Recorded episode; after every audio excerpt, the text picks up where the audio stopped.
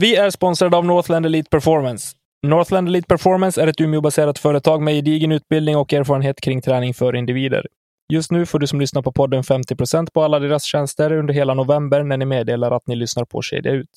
Vill ni även vara med och tävla om en sjukt snygg keps, då följer ni Northland Elite Performance på Instagram och delar deras senaste inlägg. Kontaktuppgifter hittar ni på northlandeliteperformance.se. Stort tack till Northland Elite Performance.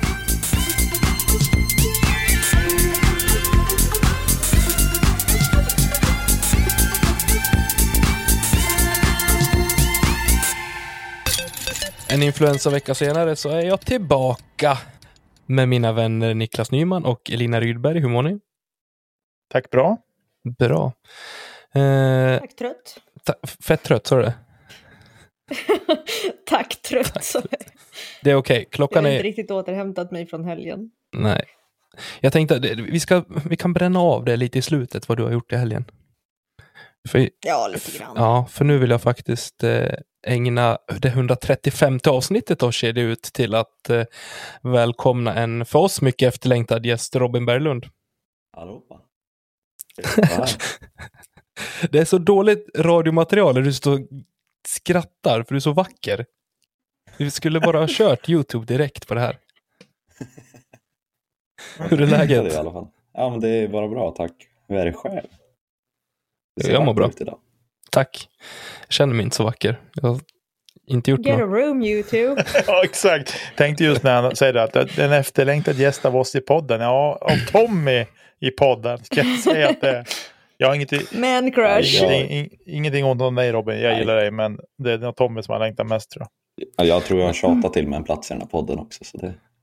Vi har ju försökt-. Nice. Vi har ju försökt ställa det, något ultimatum till dig flera gånger den här säsongen.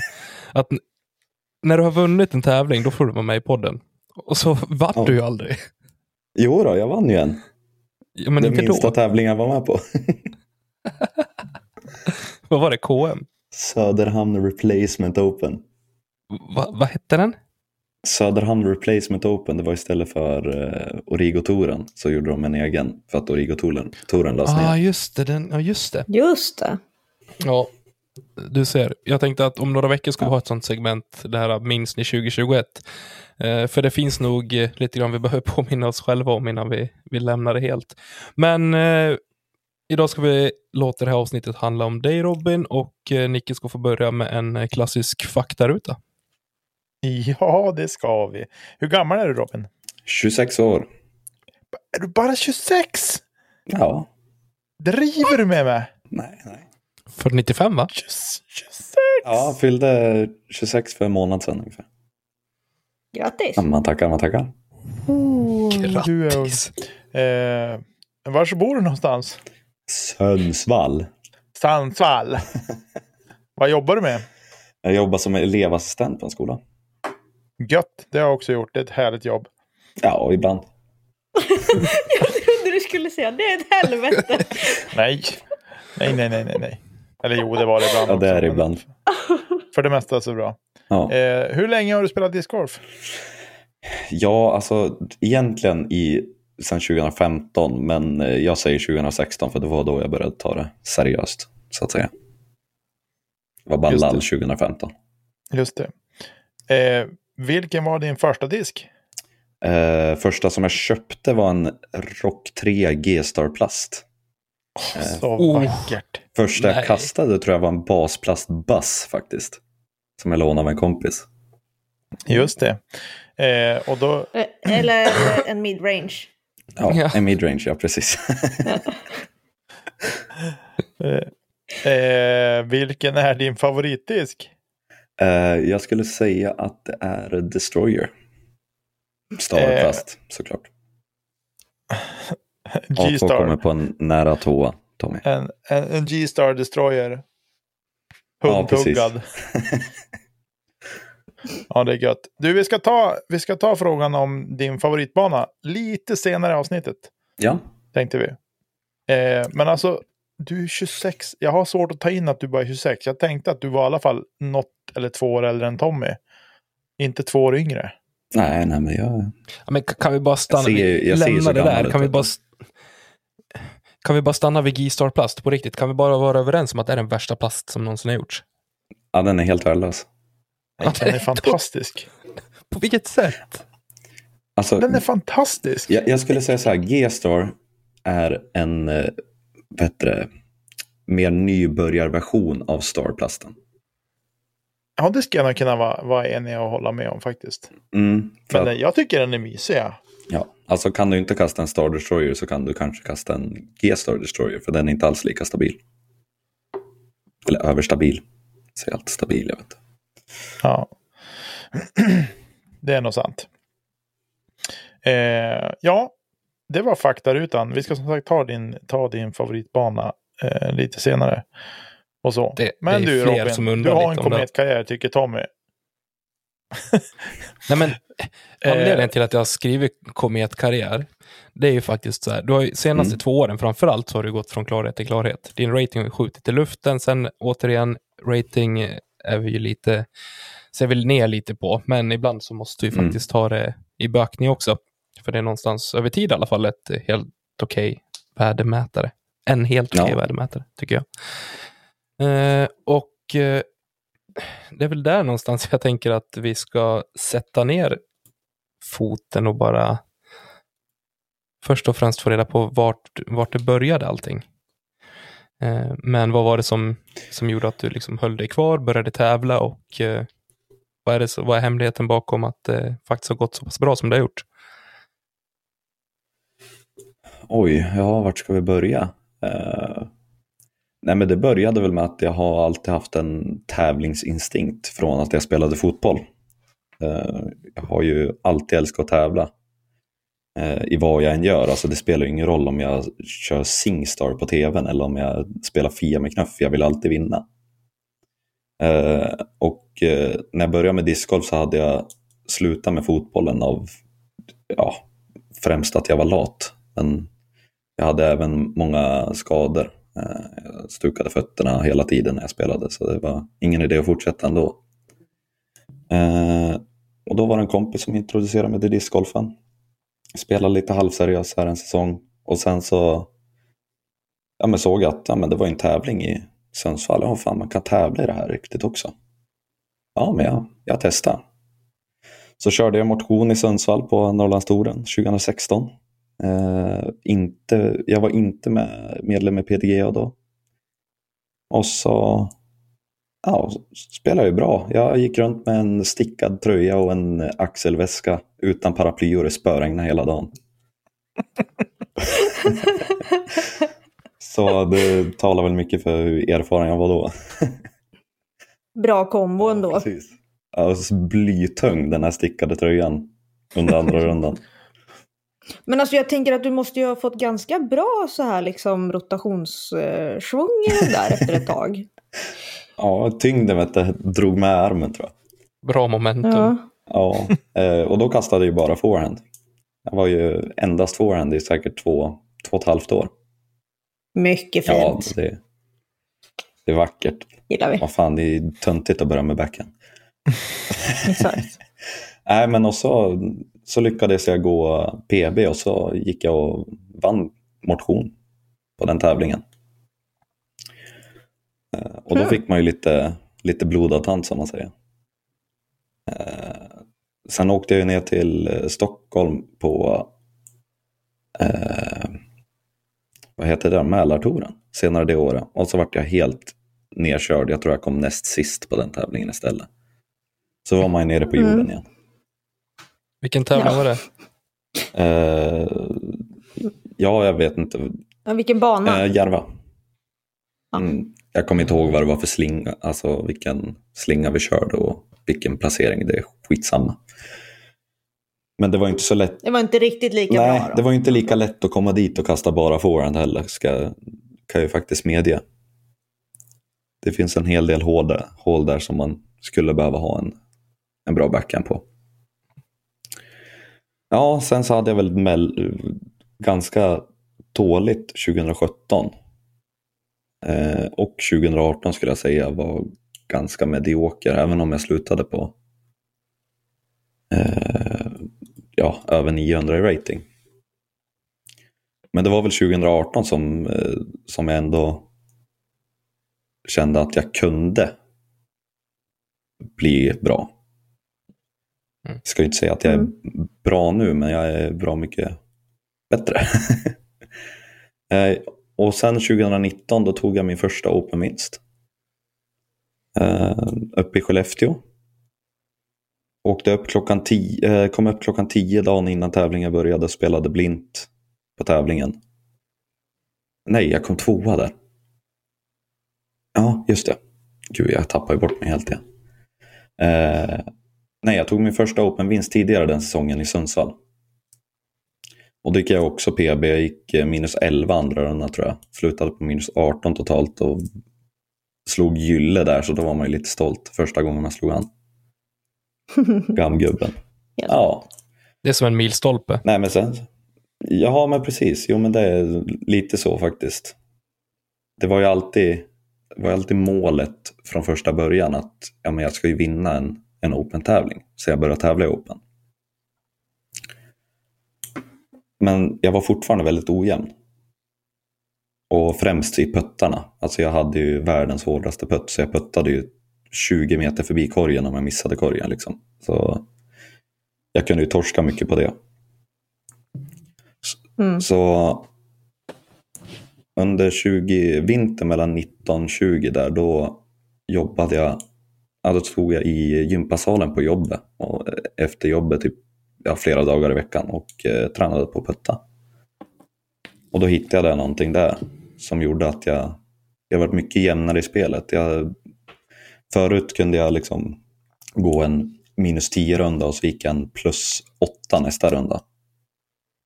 Då fick jag ju ner den där, eh, fick jag ner snittet.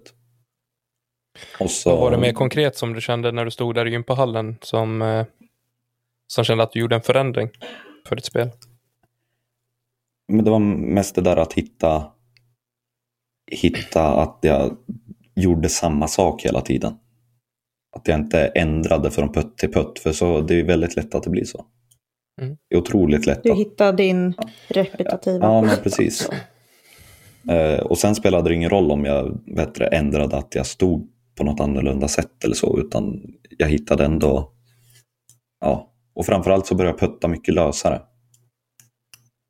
Mm. Jag gick inte all in för, alltså, för att kasta förbi korgen varje gång, utan det var mer att försöka hitta det här, en hård putt men som inte går 20 meter långt, utan ska jag ha en comeback så har jag den på typ 5 till 7 meter. Ungefär. Mm. Eh, ja.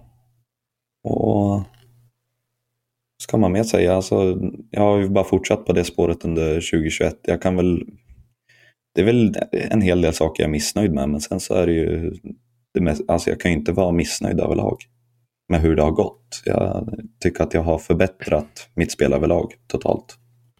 Det jag fascineras främst Mm. över är väl att egentligen det som hände under 2020 eh, på vårkanten där fram mot, eh, mot hösten 2020 och som du faktiskt har bibehållit nu under 2021 också. Att du hoppade väl upp 940 lite drygt till 975 på drygt ett och ett halvt år.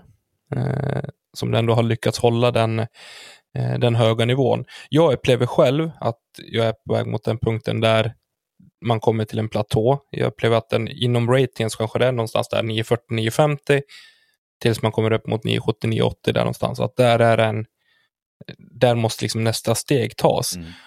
Eh, kände du så också eller var det liksom kom det bara av sig själv och, eller vad var det du gjorde för att det skulle lossna för dig? Ja, alltså mycket av det som sätter stopp egentligen, det är ju mentalt. Sätter, alltså jag har ändrat min mentalitet så varje gång jag eh, kastar och så ligger jag kanske, ja men, säg innanför 20 meter så intalar jag mig alltid att, ja men fan du har en putt. Du har alltid en putt. Och med den inställningen också så kommer man upp till puttar och ja men kan ju vara ett kast också som man känner att ja men fan därifrån har jag ändå någonting. Eh, kommer man upp med den mentaliteten så blir allting mycket lättare. Eh, För då har du redan ställt in det på att sätta den. Går du upp med inställningen att åh gud vilken jobbig putt. Ja men då har du redan ställt in det på att missa putten. Mm. Det, det är lite det också. Eh, sedan så har jag självklart blivit bättre i kastningen. Jag skulle säga att jag har en, alltså i dagsläget har jag nog en bättre backhand än en forehand och det trodde jag aldrig att jag skulle få. Så där har jag också utvecklat ganska mycket. Eh, inte, alltså, kanske inte mest längden utan att jag kan, jag är nog bäst när jag tar i. Men, och på att sikta och sådär. Men då kan jag diska ner istället. Så alltså, siktet har ju blivit mycket bättre också. Det är, Det jag upplever som din styrka bara liksom från att se det utifrån mm, eh, jämfört med många andra spelare är att eh, träffsäkerheten från 100 meter och uppåt mm, är väldigt, väldigt bra. mm, Medan många andra kanske är väldigt säkra upp till 100 meter och sen börjar man sprida. mm.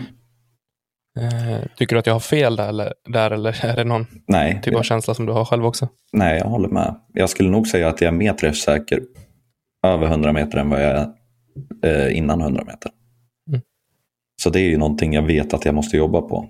Till exempel mina inspel. De är jag, backeninspel är jag helt värdelös på om jag får säga det själv. Nej, jag är inte helt värdelös på det, men känslan är så. Det är liksom där du känner själv är din svaghet om man säger. Ja, det skulle jag säga är min akilleshäl. Jag väljer ju nästan alltid forehand på approach om jag, om jag har det valet. Liksom. För att jag känner mig mycket säkrare, men jag vill ju ändå ha den här backhand, backhand i spelet. Är det liksom för att du känner att du underkommittar? Ja, både, jo, men både och faktiskt. Alltså, eller det är antingen att jag kastar all, på tok för kort eller så tar jag i alldeles för mycket. Jag har inte hittat det här mellanläget så att säga. Precis. Men det är, det är fan bara nöta, det är inget mer än så. Nej. Egentligen. Någon gång sitter det. Ja, precis. Så småningom. Jag känner igen det där till 100 procent. Jag eh, är på samma ställe själv i mitt spel, känner jag. Mm. Just de, Jag, de inspelen, speciellt backhand, är väl... eh, Mm. De är jobbiga många gånger. ja, otroligt jobbiga. Men jag får väl ta, ta lite lektioner av, eh, av Anton. Han är ju en av Sveriges bästa approachkastare skulle jag säga, backhandmässigt. Faktiskt. Hans mm. shieldkast är ju väldigt, väldigt fina. Känner du att det är många kast som eh, du skulle kunna sänka dina snitt med? Bara av att bli bättre på, på approachkasten? Ja, det skulle jag säga. Det, jo, jag skulle, vissa runder skulle jag säkert kunna sänka med 3-4 kast bara på approach. Istället för ett par så kanske jag tar en birdie eller istället för att jag tar en bogey så tar jag ett par. Liksom. Det, ja, Ja, det är ju de gångerna man kan sänka från bogey till par. Ja. Eh, som jag tror är liksom de tillfällena man verkligen kommer börja se skillnaden. Mm. Ja, precis. Man märker ju direkt om man bara får bort boggisarna på en runda så alltså vilken bra score man får bara rakt av. Precis. Jag menar, birdies är du ju uppenbarligen kapabel att göra. Men det som straffar dig blir ju då liksom ett missat inspel som blir en bogey istället. Mm. Och så Mm. Får man liksom offra birdien istället för att bara nöja sig med paret. Ja, precis.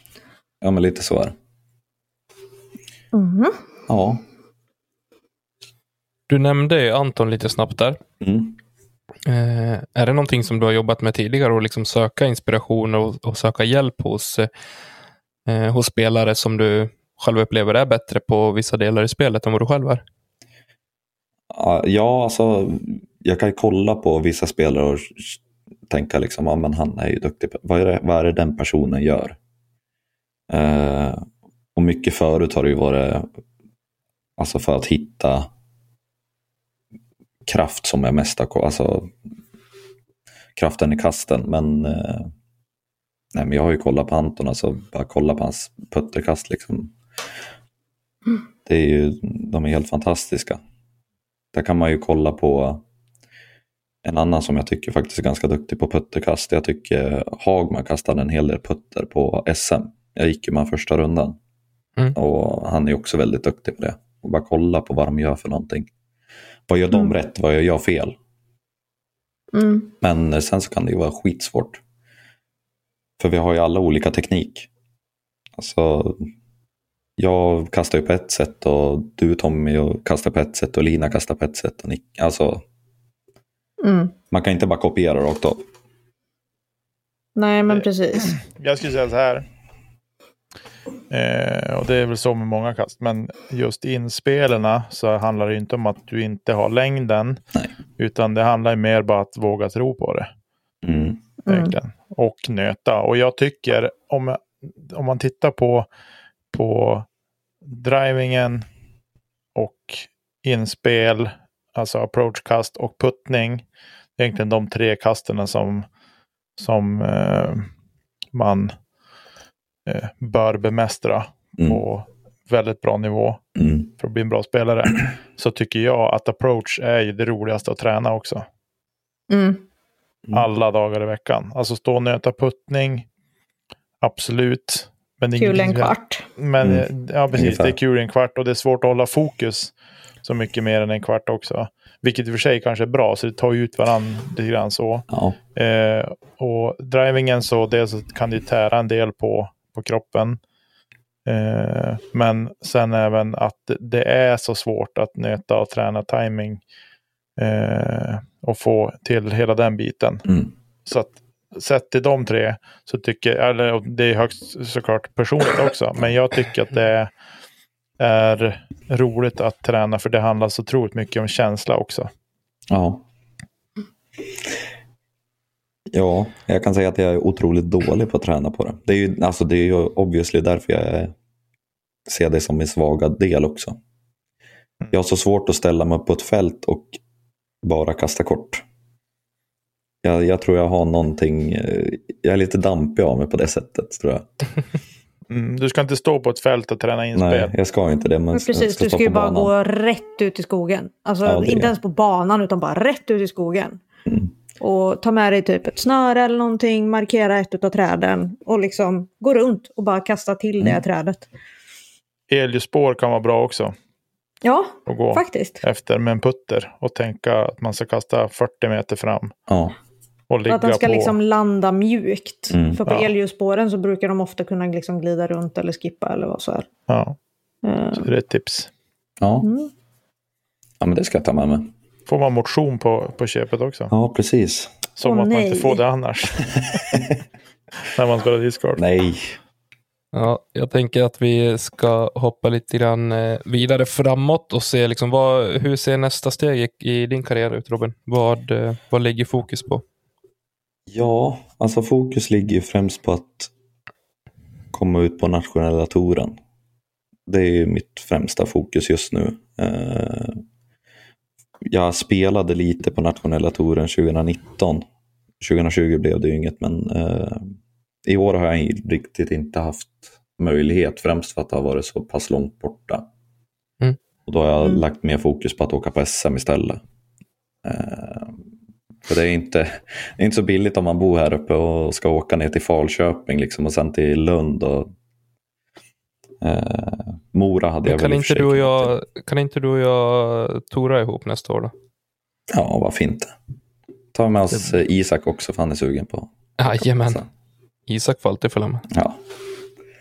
Nej, men eh, det är väl där. Jag ville ju jättegärna vara med på någon eh, European Pro Tour också, eller Eurotour. Någon av dem. Eh, det var väl någon som skulle vara på Järva, det var väl European Pro Tour. Ja. Ja. Mm. Så ja, men det hade varit kul att kunna få komma med där. I juni. Ja, få spela mot Europas bästa spelare. Mm. Så länge de inte åkt över till andra sidan pölen så att säga. Jag tror de planerar in det ganska gott i så Ja, fall. det tror jag. Eh, Med tanke på att det är European Open sen också. Ja, Dock i slutet på juli, så det beror väl på, men eh, i anslutning till midsommar där så kanske det är mm. lite hemvändarveckor Ja. där. så kan det vara. Nej, men ungefär så ser planen ut. Och så självklart SM då. Mm. Eh, sen så är det ju Något annat SM? eh, ja, lag-SM är ju alltid på agendan. Det gick ju som det gick i år, men det är en annan femma. Det är tur att damerna höll upp fanan i alla fall. Ja, De jävlarna. Nej, förlåt. Alltså de var så jäkla duktiga. Det var helt sjukt. Ja, jag är ju helt fascinerad av, eh, av Julia. Är- alltså vilken fantastisk tjej alltså. Mm. Riktigt duktig. Alltså, Verkligen. nej, Mycket potential. Ja, men otroligt mycket. ålder. Eh, På, tal om, så eh. Sunds, på tal om Sundsvalls damer så var jag inne och kollade lite statistik på King just. Mm. Eh, och eh, jag tycker de är ganska trevliga att kolla igenom det här. Så jag kollade Region Norra Discgolftouren Mm. och där hittar vi ingen mindre än eh, Caroline Fly, Flyborg på tredje plats på Inside Circle-plats Oh, Mm. I hela touren. i hela touren. Snyggt! det är grymt det. Eh, Det är två stycken som är lite bättre före henne. Det är jag på första plats och så är det Nicke på andra plats. Oh, Fick vi det sagt också då? Ja, jag tror jag bara förde sta- statistik om det var, om det var i Skellefteå. Ja, Men det alltså, klipper vi bort inte för att för vara att så, de här men det kanske bara de är var ni sann. två. Ja, jag tror det bara var de två som förde statistiken. Eller det hur? faktiskt. Det kan nog mycket väl vara så. Ja. Och Carro då. Ja, mycket bra. Ja.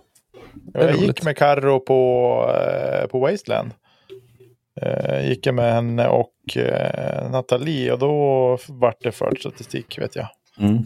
Nej, men jag vet att Carro har tränat otroligt mycket puttar också. Det, och det verkar ju visa sig. Det är kul. Ja, det är roligt. Jag tycker att eh, kan de som spelar alltså mer eh, bli bättre på att faktiskt fylla i eh, statistiken så är det dels schysst mot eh, de som bygger banorna framför Mm. allt för att kunna se liksom, okej, vart behöver vi tweaka någonstans. Det är schysst mot TD för att Mm. eventuellt kanske göra någon enstaka tweak på just den banan när tävlingarna eller när touren kommer dit.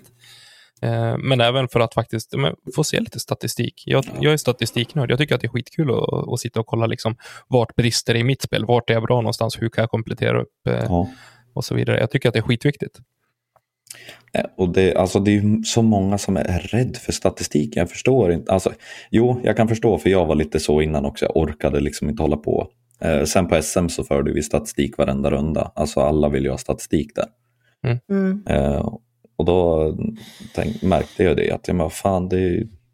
Och Qing har ju världens lättaste system för statistiken tycker jag. Alltså det är ju klockrent. Det är inget... Mm. Judisk har väl det absolut bästa men... Men, den är bäst om du vill ha mycket statistik. Ja men precis. Alltså så som för mig själv Mm. så tycker jag att Qing är bättre för att det är mycket lättare statistik. Alltså Mm. det är den nödvändiga. Jag skulle säga på, att, på en tävling så är det ju alltså, det ultimata av Qing. Eh, Ja. Om du går själv på en träningsrunda så kan det vara jättekul att knappa där. Om jag vart landar jag på första kastet, andra kastet och sådär. Ja men precis, hur mycket off fairway hamnar Ja, jag? Men, men- det är ju mer träning. Ja, att göra sånt på en liksom tävling skulle ju vara... att- Uh, nej, det hade bara varit jobbigt. Sen tror jag man får gå, någonstans försöka vara ärlig med sig själv också. Men vart går gränsen för vart jag kommer faktiskt att eh, gå igenom min statistik? Vart Mm. kommer jag ta hänsyn till vilka delar? Mm. Jag kommer inte egentligen bry mig om om jag ligger 20 eller 30 eller 40 meter kort på ett inspel eh, när jag spelar en träningsrunda på I20. Nej, Nej. jag behöver veta om jag ligger på fairway eller om jag har haft en, eh, en putt som är innanför eller utanför cirkeln. Ja. Jo, men lite så är Precis. det också. Men eh, ja.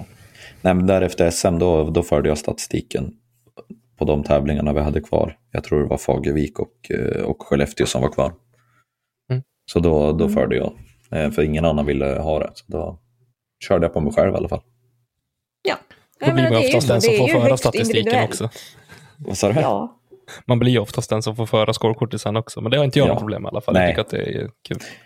Nej, men alltså till alla de som bara, nej men jag vet inte hur man gör. Nej men du trycker på en prick. Ja, Du, Ja, jag om hatar du det där. hittar trean, då hittar du inside. ja. Det är liksom, de är precis Nej, gud, jag, jag hatar det där. Om jag har inte gjort det förut. Nej, men du trycker på siffror. Perfekt, Ja. då ska jag lära dig. Ja, ja, men alltså, Lyssna vad jag säger och tryck på det. Ja. Tvåa på mig, fyra på resten. Så där hör ni där ute. Om det är någon som är osäker på statistik och så vidare i, eh, i Qing så är det bara att ni hojtar till på någon av oss så ska vi gladeligen gå igenom hur man fyller i statistiken. Och är ni Det- extra snälla så kan jag till och med visa er hur man eh, delar sitt scorekort från en tävling. Ooh. Ska du få visa mig sen? Nej, Det- jag tror jag Det är också det. en, yt- ytterligare en, en riktigt snygg grej som Qing har lyckats med nu. För den grafiken är så jäkla snygg alltså. Mm. Ja. Magiskt. Men Oh, yes. eh, sidospår. Eh, Det jag är vi tänker- rätt bra på. Ja, men det är vi bra på, men det är roligt. Det är kul. Vi var inne lite grann på eh, att du vill spela lite, lite NTS och även SM. Mm. Eh, och det för oss väl egentligen in på tävlingsplaneringen generellt. Är det där du kommer fokusera eller kommer du även att trycka in lite lokala tävlingar också? Ja, självklart. Jag kommer inte, så länge Ki håller i, i eh, RNDGT nästa år också så kommer jag spela där. Då. Eh, sen får vi se vilka jag spelar. Eh, jag undviker nog Husum nästa år för jag, jag men alltså, det är alltid någon jäkel som ska hålla på och gå minus 10 i intermediate på den där jävla banan. ja, men alltså, Japp. Ja, nej jag... Alltså, Och då, det- går, då delar du ut dina ratingpoäng. Ja, men ungefär. Nej, men, nej, men alltså, och så sen så är det ju... Den är ju rolig, men det är ju en sån bana som vem som helst kan gå bra på. Och det... Nej, jag vet inte, jag tycker att det blir lite tråkigt. Men det, kan, det är bara jag kanske, jag vet inte. Nej, men så är det väl i Wasteland också kan jag tycka. Ja, Wasteland har jag inte varit i, så, men jag har hört att den, och sett på scores på, därifrån att det är Mm. ungefär likadant. Jag menar, kan stabila eh, parmonke gå minus 10 där så... Shoutout till Monke, världens bästa människa. men Älskar alltså, Monke. ja. Ja, nej, men det är lite grann i, i det du säger också. Det gäller Mm. faktiskt att pricka in eh, sin formtopp. Eh, beroende på vilken bana man ska spela och vilka som ska spela där också. Ja. Eh, jag hade en riktigt lyckad tävling i Husum. För jag fick första varvet spela med Simon Norrbom och han eh, spelar ju oftast bra. ja, Och kunde jag ta rygg på honom så visste jag att den här ratingen kommer ju inte vara dålig för mig i så fall. Nej. Och det, sagt och gjort. Det, det blev bra till slut för mig. ja. Han var inte lika nöjd, men så är det. Nej.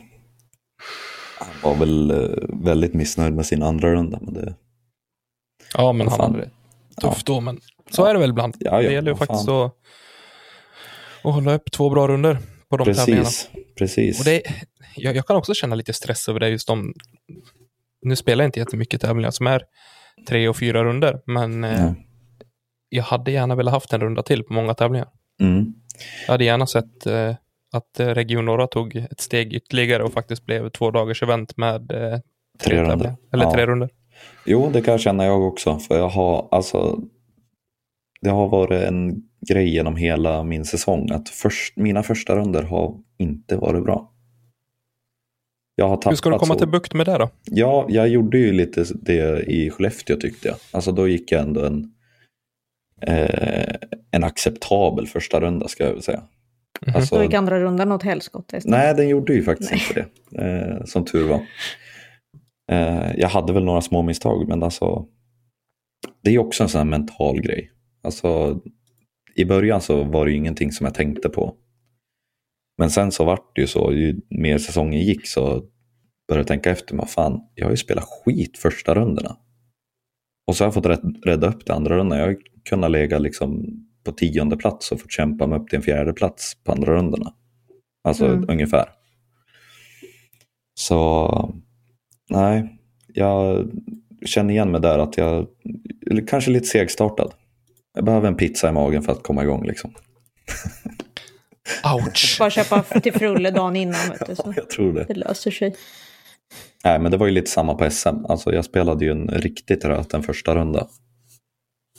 Och så sen så andra rundan så gick jag, jag gick plus sex första, jag tror jag gick minus tre eller fyra andra och det var ju ändå en bra runda, den, det varvet liksom. Mm. Och så sen så spelade jag väl hyfsat resten. Jag är väl, jag, jag är väl mest stolt över min plus fyra när det spöregnade. På Alviken eller Jenny? Ja, Alviken. Mm. Jag menar, det var ju vissa som är alltså 30 ratingpoäng över mig som spelade plus 14. Liksom. Det kan man inte vara missnöjd med en plus 4 den, och så mycket som det regnade och stormade den rundan. Det var, Eh, ja, nej. ja, nej men eh, på tal om sidospår liksom. Exakt. Du slutade till slut eh, på en 38 plats. Ja, Och det är, det är inte fy skam ändå alltså. Nej, men det var ju under eh, målet som jag hade skulle jag säga. Jag Klarar som- du katten? Ja, det gjorde jag. Ja. Ja, det var ju delmål ett i och för sig, men sen så var det ju att jag skulle placera mig eh, bättre än vad jag låg ratad, ska man säga. Och jag tror jag låg Mm. ratad på en 33 plats eller något sådär. Mm. Ja, Jag tror jag var ett kast ifrån det, så det är inte, det är inte helt åt fanders. Stämmer. Eh, sen ska vi kanske lägga in de värderingarna också. Du slår Dennis Andersson som har varit bra på, på många tävlingar i år och eh, Mm. även Marcus Källström som är en eh, ikon utan dess like i svensk discgolf. Och, ja, han fick eh, jag gå med också. Det var kul. Du slår Anton Lind.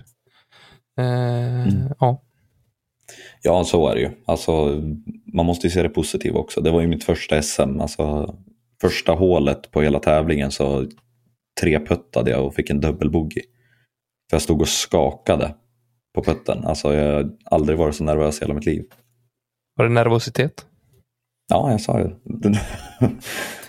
eh, ja, nej, men alltså, jag hade väl en sex meters putt för par. Och jag puttade under korgen.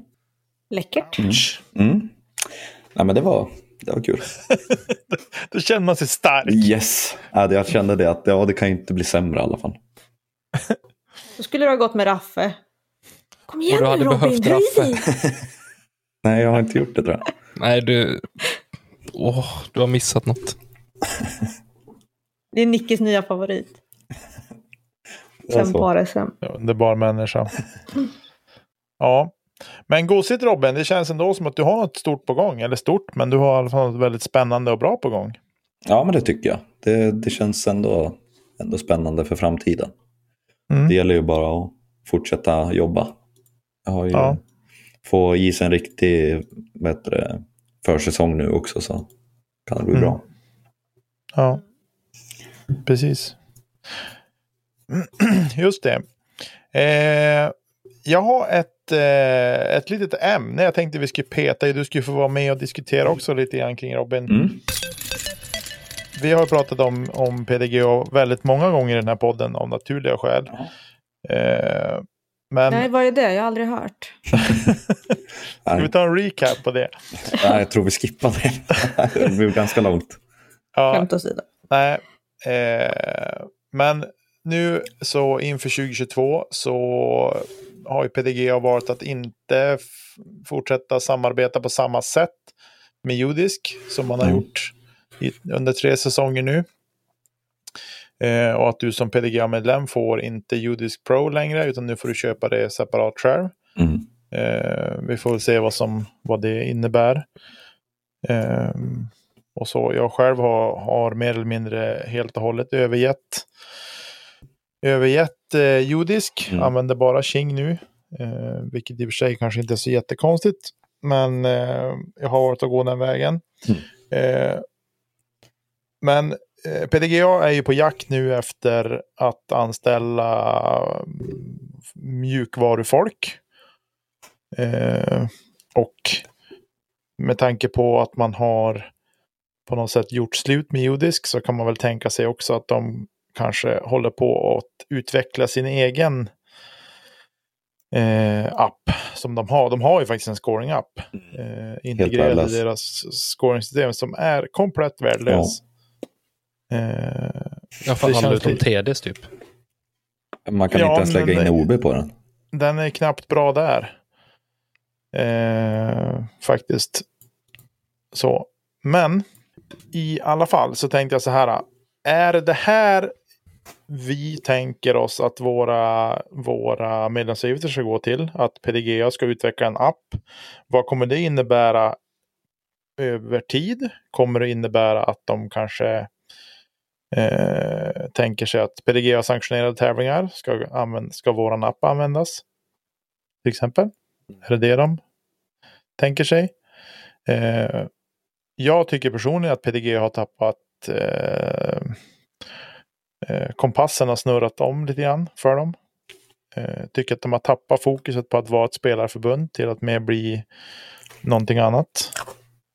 Eh, och sådär. Och deras tävlingar har vi redan pratat om ganska många gånger i den här podden. Och ja, de har väl inte imponerat, om man säger så.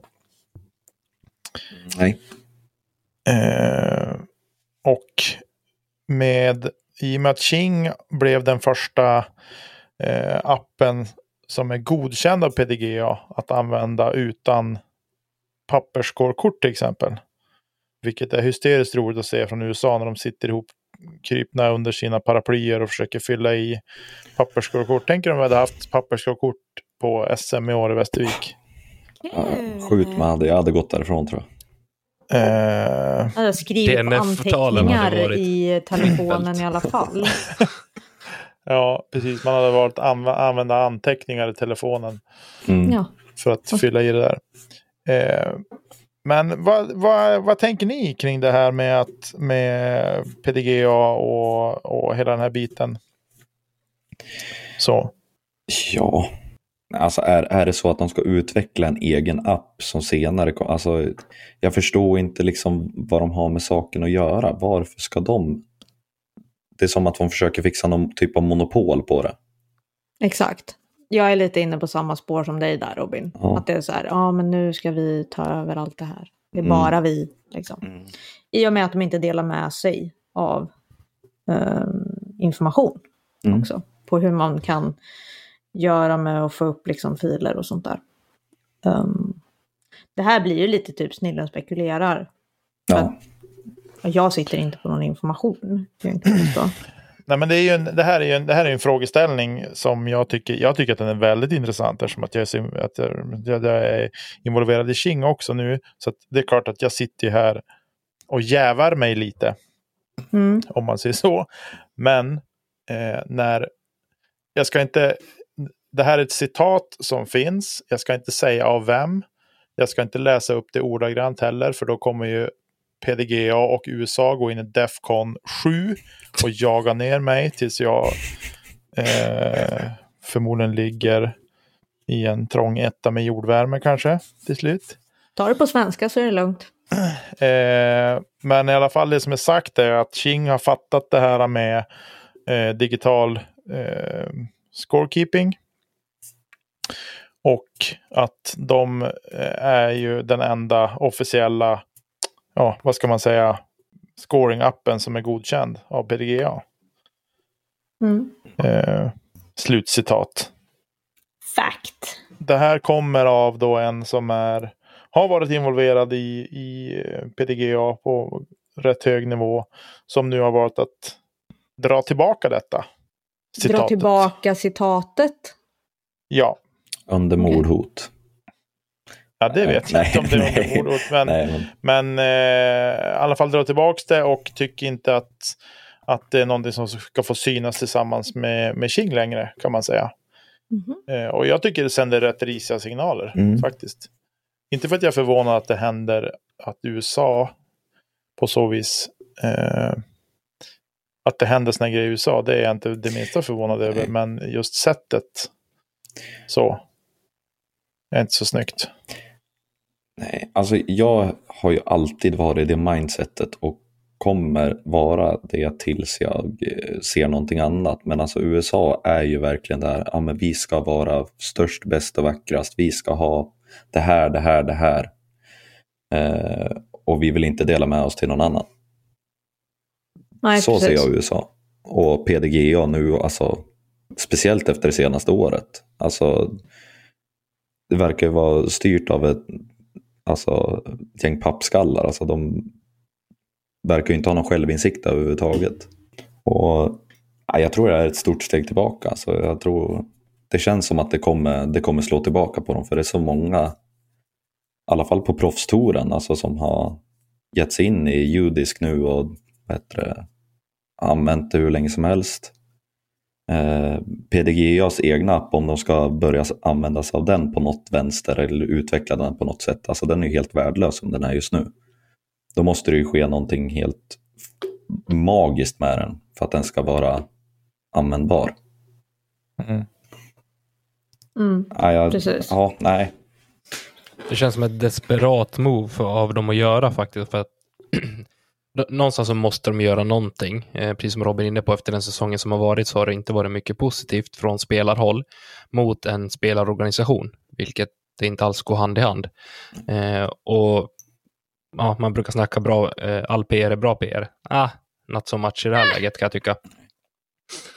Eh, och jag tror att eh, då försöker man någonstans som en hitta eh, lösa trådar och, eh, och binda ihop dem och då har man valt det här sättet. Eh, delvis, de kanske sitter på mer, jag vet inte. Eh, genom att säga okej, okay, men jag har haft gratis eh, judisk eh, pro i samband med PDG-medlemskap. Vi tar bort det nu, nu är det liksom det slut. Och så bakom någorlunda låsta dörrar börja jobba fram någonting eget kanske.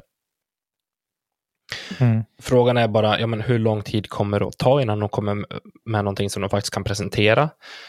Eh, och ser man det från det andra perspektivet från, men från spelare och PDGA-medlemmar så känner väl jag, jag är som sagt, jag har ju bara betalat in min avgift till PDGA för att jag ska få en rating. Mm. Mm. Ja, du betalar ja. för, en, för, att få en rating och ett nummer. Ja, ja och jag Rent tror krast, att så. skulle man på något sätt kunna ta bort det då skulle PDG rasa ihop och falla samman totalt. Mm. Mm. Problematiken ligger att vi kan inte ta bort det i dagsläget som jag ser eftersom att det är någonstans där PDG-poängen eh, och till viss del en rating som också kan göra att du blir inbjuden till VM. Eller poängen i alla fall. Yep. Eh, och ratingen används ju i någon mån som eh, tiers för att kunna anmäla dig till tävlingar. Mm. Mm. Eh, så det steg ett skulle ju vara, då måste ju PDG i så fall släppa Worlds. Ja. Ja men alltså det här är ju rent krasst PDG har ju inget som helst problem att, att upprätthålla och fortsätta vara det de var tänkt att vara från första början. Mm. Nej, alltså de har ju, det är ju det att de har ju tappat sin, eh, vad är man säger? Alltså sin riktlinje kan man väl säga. Alltså, de har ju tappat sin identitet, var det jag sökte. Ja, mm. det är ett väldigt, mm. en väldigt bra beskrivning på vad som har, på vad som har hänt och eh, händer igen. Det har ju varit väldigt turbulent kring dem eh, i år. Eh, och någonstans får man väl kanske tycka att startskottet och som har liksom eldat på den här debatten extra mycket, det var ju när, när Brody Smith gick in och köpte mm. eller betalade för en vettig driving range på en tävling. Eh, det var väl liksom där någonstans allting började och sen efter det så har, tycker jag att allting som PDGA har gjort har ju varit eh, panik och stressåtgärder på något sätt. Mm. Eh, så att, men jag tycker att de, de har, jag har inga som helst problem att betala mitt PDGA-medlemskap om de fortsätter att vara en spelarorganisation som sätter spelarna främst och eh, liksom sikta in sig på vad ja, det de var ämnade vara från allra första början. Att ge sig in och börja konkurrera med, med aktörer på en, på en eh, öppen marknad och på något sätt skaffa sig ett monopol mm. som de gör. Ah, jag vet inte om jag tycker att det är det jag ser att mina medlemspengar ska gå till. Eh, jag tror jag var inne så. på det förut när jag pratade också. Alltså går det för långt då kommer det ju till slut bli så att vi har flera förbund att välja mellan. Ja. Mm. Exakt. Då kommer vi bli eh, en spegelbild av vad kraftsporten och eh, fitnessvärlden är idag. Mm. Och det, ja, jag vet inte om jag vill dit. Jag tror inte det. Nej, Nej jag tror inte Utan det heller. Kan PDG någonstans vara ett, eller ta ett krafttag och någonstans sätta sig ner, okej, okay, men vad vill vi vara? Vill vi vara PDG som PDG är skapt för? Eller vill vi vara en ny aktör på en öppen marknad? Mm. Nej, jag vet inte. Jag det är ingen som kommer det... välja PDGA Nej. i så fall. Om de Nej. skulle liksom släppa det som tillhör spelarna och så får spelarna skapa, eller ha, och så får det komma ett nytt förbund för spelare. Mm. Nej, jag håller med. Jag, jag, eh, Jag tycker att det osar, det, det luktar illa och när man ser vad de har gått ut och sökt för folk också. Det här är som sagt var högst spekulativt, men ändå med någon sorts... Eh, ja, vad ska man säga? Det finns någon sorts eh, anledning till de här spekulationerna också. Så. Ja, de grundar sig ju alltid i någonting. Och så. Så att jag tycker att det är... Det luktar lite illa om PDGA just nu. Måste jag få säga. Precis, det fortsätter stinka. Exakt. Precis. Men eh, vad tror vi händer då om, eh, om man säger inom ett spann på två år? Vad, vad tror ni händer? Om ni får spekulera fritt. Jag tror de Eh, kommer att ha tappat lite fokus, men jag vet inte ifall något så här jättestort kommer att ha hänt. Liksom. Nej, jag är Det inne på samma där också. Jag tror lite så jag går. Jag tror att det kan, ja, det, jag tror kanske inte att det har hänt så mycket. Eh, de kan ha tappat någon, fler- de kan ha tappat Worlds kanske. Så jag tror kortsiktigt så kommer det inte hända så mycket, alltså inom spann av två år. Men säger vi tio år, då kan det nog hända ganska mycket tror jag. Ja. Fem år också. Ja, sådana här processer brukar ju kunna bli ganska långdragna dock. När det är misstro till olika saker. Vad Alltså, jag- hände med han? Vad hände med den här snubben han som var ute och hackade både på Brody och på Page? Vad hände med han? Han med USAs snabbaste glajer. Ja, Exakt. precis. Precis, ja men han, det vart ju någon, det vart ju någon namninsamling och grejer. Vad hände med han? Ingen aning. Nej, inte jag heller. Jag har inte följt Mm. upp det faktiskt. Nej. Det är lite dåligt av oss i och för sig som driver podd och ska ha någon sorts... PDGA Journalist. Board. Director. Ja, precis. Ja, men det var... Jag tycker vi har, vi har petat och, gr- och surat ner oss lite grann i ett ämne kring det här. Vi får väl återkomma om, den där, om vi har, får några nyheter kring det.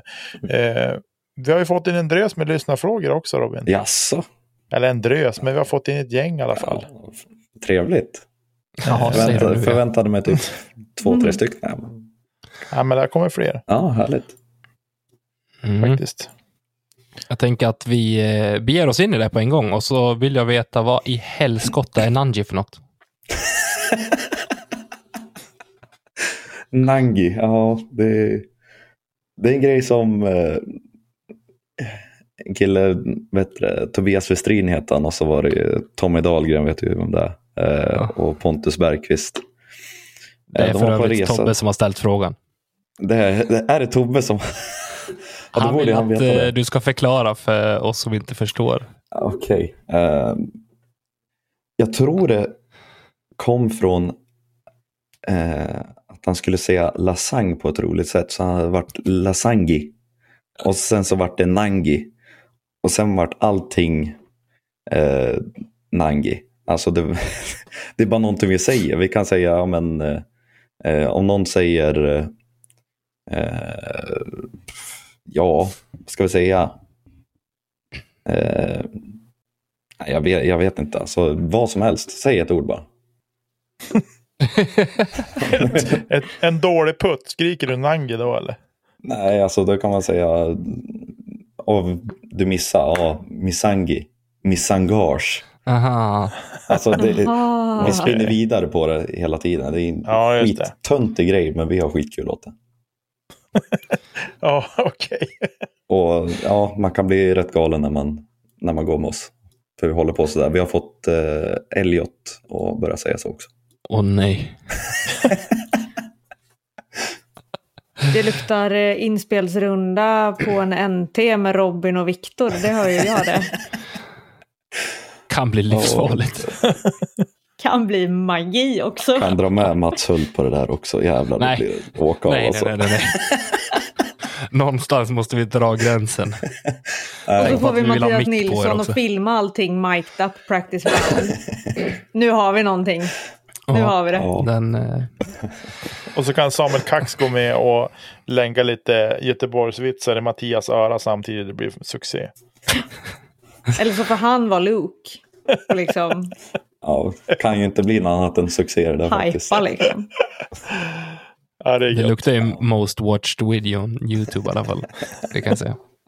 Oh yes. Eh, Jocke OK. Han undrar varför lämnade du Prodigy Street Team och vilken disktillverkare hade du helst varit sponsrad av och varför? Ja, alltså den stora anledningen till att jag lämnade var ju att jag kände mig inte bekväm med, eh, ja framförallt drivers. Alltså jag hittade inte eh, min komfort där. Och jag vet att ni tog på det här med att vara en lagspelare också för något avsnitt sedan. Eh, att känner man sig inte bekväm så kommer man inte spela bra heller. Och jag kände att jag, mitt spel drogs ner av det. Eh, och då kan vi ju gå tillbaka också till det här med ratingen. Det var ju faktiskt efter att jag hade lämnat som jag gick upp så pass mycket och det var för att jag började känna mig bekväm igen. Och det har ingenting att jag har någonting emot Prodigy utan det är ju bara för mig. Det passade inte. Det passade inte för mig. Nej. Eh, det passar ju obviously bra för jättemånga andra men för mig var det inte, var det inte rätt. Mm. Eh, sen har Prodigy många alltså snöskigt bra diskar. A2. Eh, Exakt så. nej, men det, är, alltså, det är en av de bästa diskarna jag kastat. Det, det går inte att snacka bort det. Eh, sen har de mycket bra midrange och sådär men, eh, men just drivers känner jag mig inte bekväm med. Så. Eh, Vad var andra delen? Vilken Vilken helst- disktillverkare skulle du vilja ha som sponsor och varför? Eh, Ja, men känslan nu på senare tid har ju varit Latitude bara för att det, det är svenskt. Eh, och jag tycker att det, ja, men det är kul. Det skulle vara kul att representera en svensk tillverkare. En hel svensk tillverkare. Det Eh, ligger också i Skellefteå, det har du tagit i beaktning va? Ja, jo. Eh, det, det är ju nackdelen, men nej, Man kan inte få allt. nej, precis.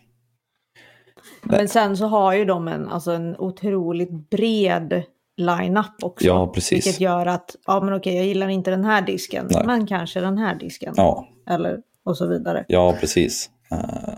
Sen så har jag väl inte kastat jättemycket Latitude genom åren så. Eh, jag har ju någon eh, typ en harp som jag haft i bagen i tre år. Liksom. Den är ju fantastisk så, men det finns ju mycket. Jag har ju knappt testat en bråkdel av diskarna. Liksom. Mm. Men eh, jag har ju testat några som Anton har och så har jag testat någon här och där. Så, så diskar, det, jag vet ju att de har bra diskar och jag vet att jag kan hitta ersättare och nya till vad jag har i bagen just nu. Mm. Precis. Grymt. Mm. Gött. Ja, det här tar ju fruktansvärt emot att lyfta den här frågan. Men förklara dina känslor för Timrå IK och även i finalen i fjol då Timrå slog Löven. Eh, Åh gud. Ja, alltså känslorna just nu är ju väldigt avtrubbade ska jag säga. Men det är ju Vadå, ni vann ju den första match på 12 matcher. Ja, jo. Och jag kan säga att jag var glad i lördags, det var jag. Nej, men alltså jag har ju följt Timrå sedan jag var sju år tror jag. Har väl stått på ståplats sedan jag var tio. Så alltså, ja, det har ju varit, det har ju varit livet.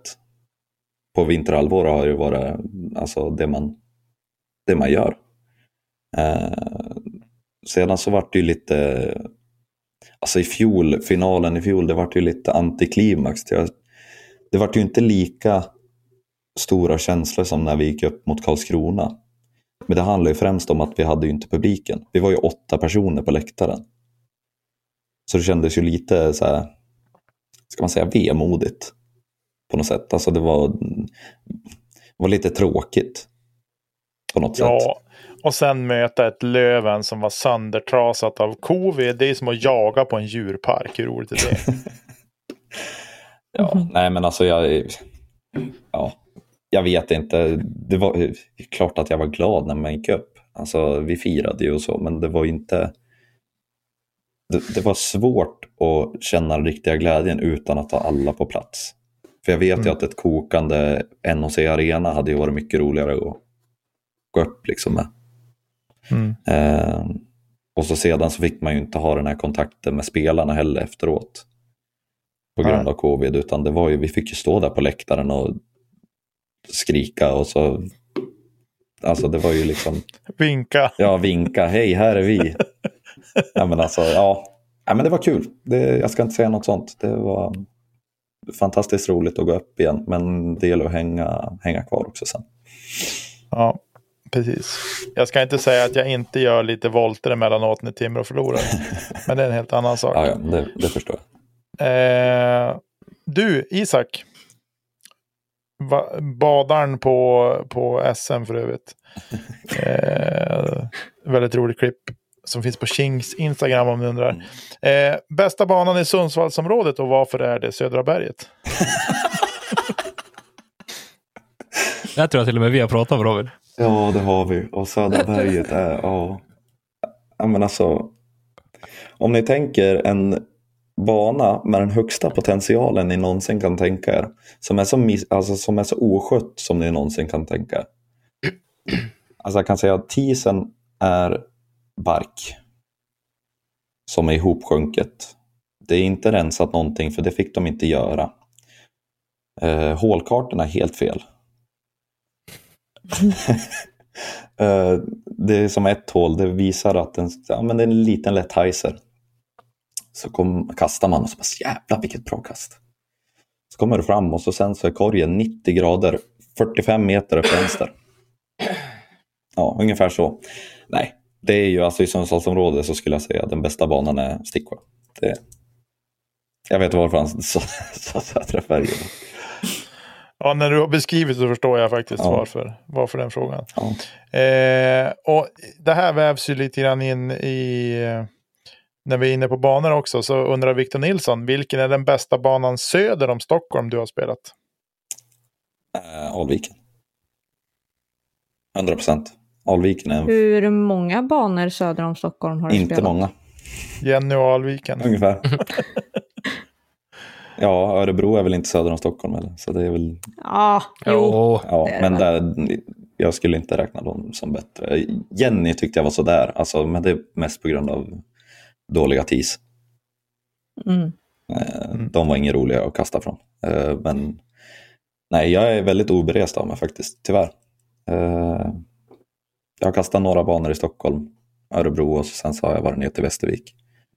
Mm. Men jag har inte kastat så länge, jag har tid på mig. Exakt. Ja, du är ju ung Ja, precis. för allt i världen. Ja. Ja.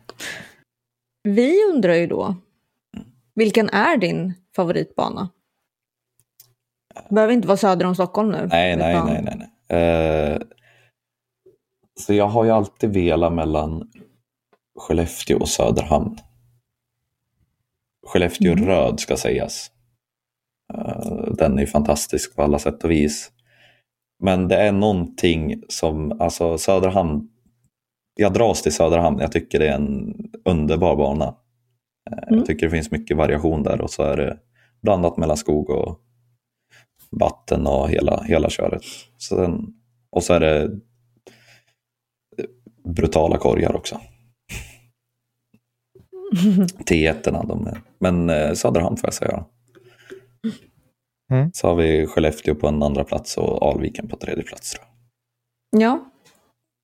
Emil Eriksson från Hällefors undrar, ehm, puttar du hårdare än vad du kastar? Jag kan svara på den frågan. Mm. Ja. Ja.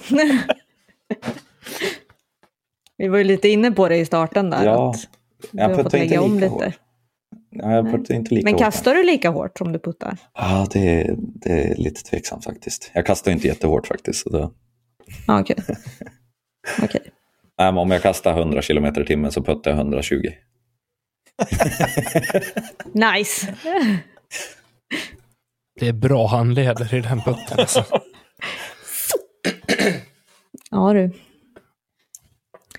Eh, Linus Pedersen undrar, vad har du för svagheter som du tänkt jobba på under off-season till nästa säsong? tror jag sa tidigare också att det är ju inspel framför allt. Mm. Nu är det lite svårt att träna. Jag tycker det svårt att träna inspel på, på vintern för det är oftast, nu går det ju, men eh, när det kommer en meter snö så är det inte så kul att stå där upp till knäna och köra approaches. Har ni möjlighet att vara inomhus någonstans? Vi har ju inte några större, alltså vi har inga idrottshallar som är tillräckligt stora. Vi har ju Mm. en inomhus fotbollsplan men den är ju alltid fullbokad så det finns ingen möjlighet där heller.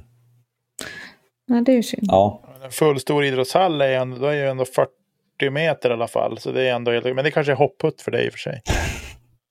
Ungefär. Ja, ifall han puttar 120 så går han ju genom väggen. Ja, nej, men den... eh, Ja, det finns väl någon större hall så, men eh, ofta så brukar vi köra eh, in i en tennishall och så kör vi, då har de nät där på vardera Mm. sida. Så brukar vi driva in i näten då. Så brukar vi köra lite kortare kast mot en korg där bara. Det är ju smart. Ja, det funkar. Så det är ju inte, det är inte världens bästa, Mm. men det funkar.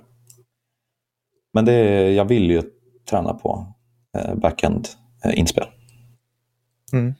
Just det. Ja, det var tittar, eller tittarfrågorna. Tittarfrågorna. Det var lyssnarfrågorna. Eh, som hade. Och så. Men du, grymt roligt Robin att ha dig med. Ja, men tack för att ni ville ha mig här. Det var väldigt trevligt. Eh, måste jag säga. Du har skött dig snyggt. Inga skandaler Än. eller annat. Exakt, man vet aldrig. Nej, precis. Kanske Nej, men det återstår- något. Det återstår väl bara att se vad som eh, händer till nästa säsong då. Ja. Både vad gäller eh, sponsorer och eh, tävlingar och sådär. Så ser jag fram emot att svettas i en buss genom Sveriges långa land tillsammans med dig och Isak. Ja, det blir trevligt det. Det blir magiskt. Sin buss också.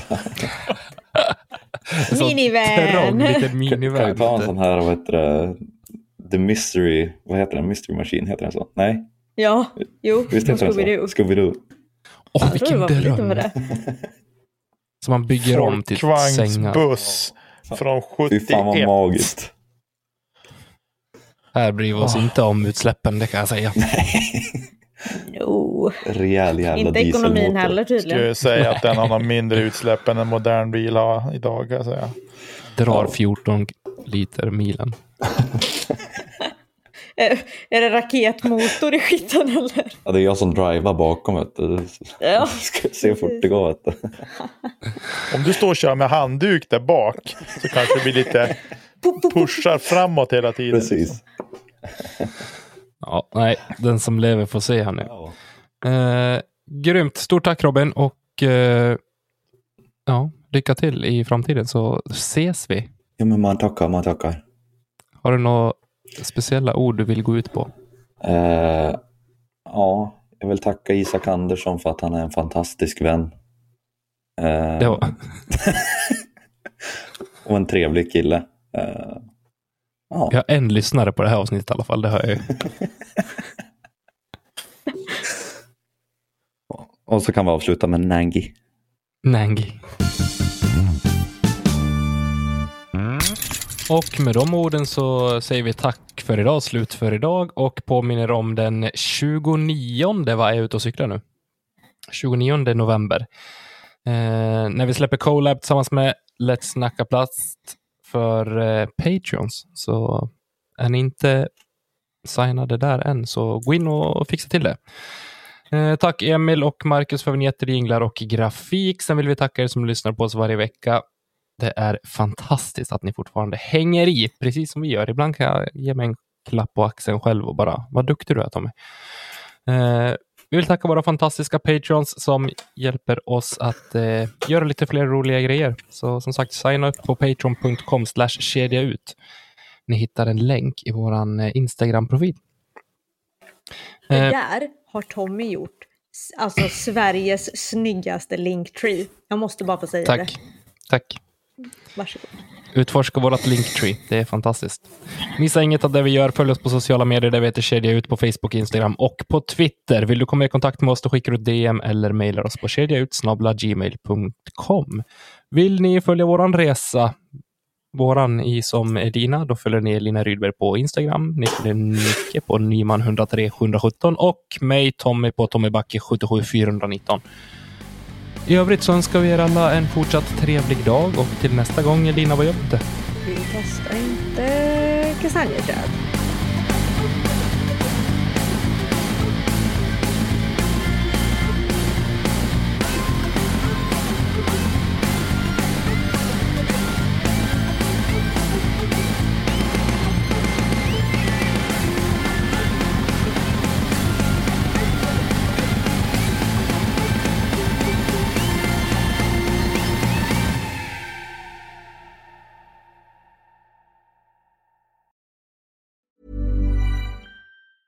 Planning for your next trip?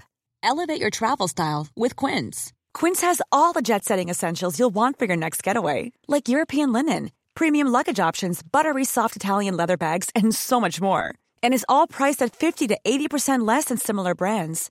Plus, Quince only works with factories that use safe and ethical manufacturing practices. Pack your bags with high-quality essentials you'll be wearing for vacations to come with Quince. Go to quince.com slash pack for free shipping and 365-day returns.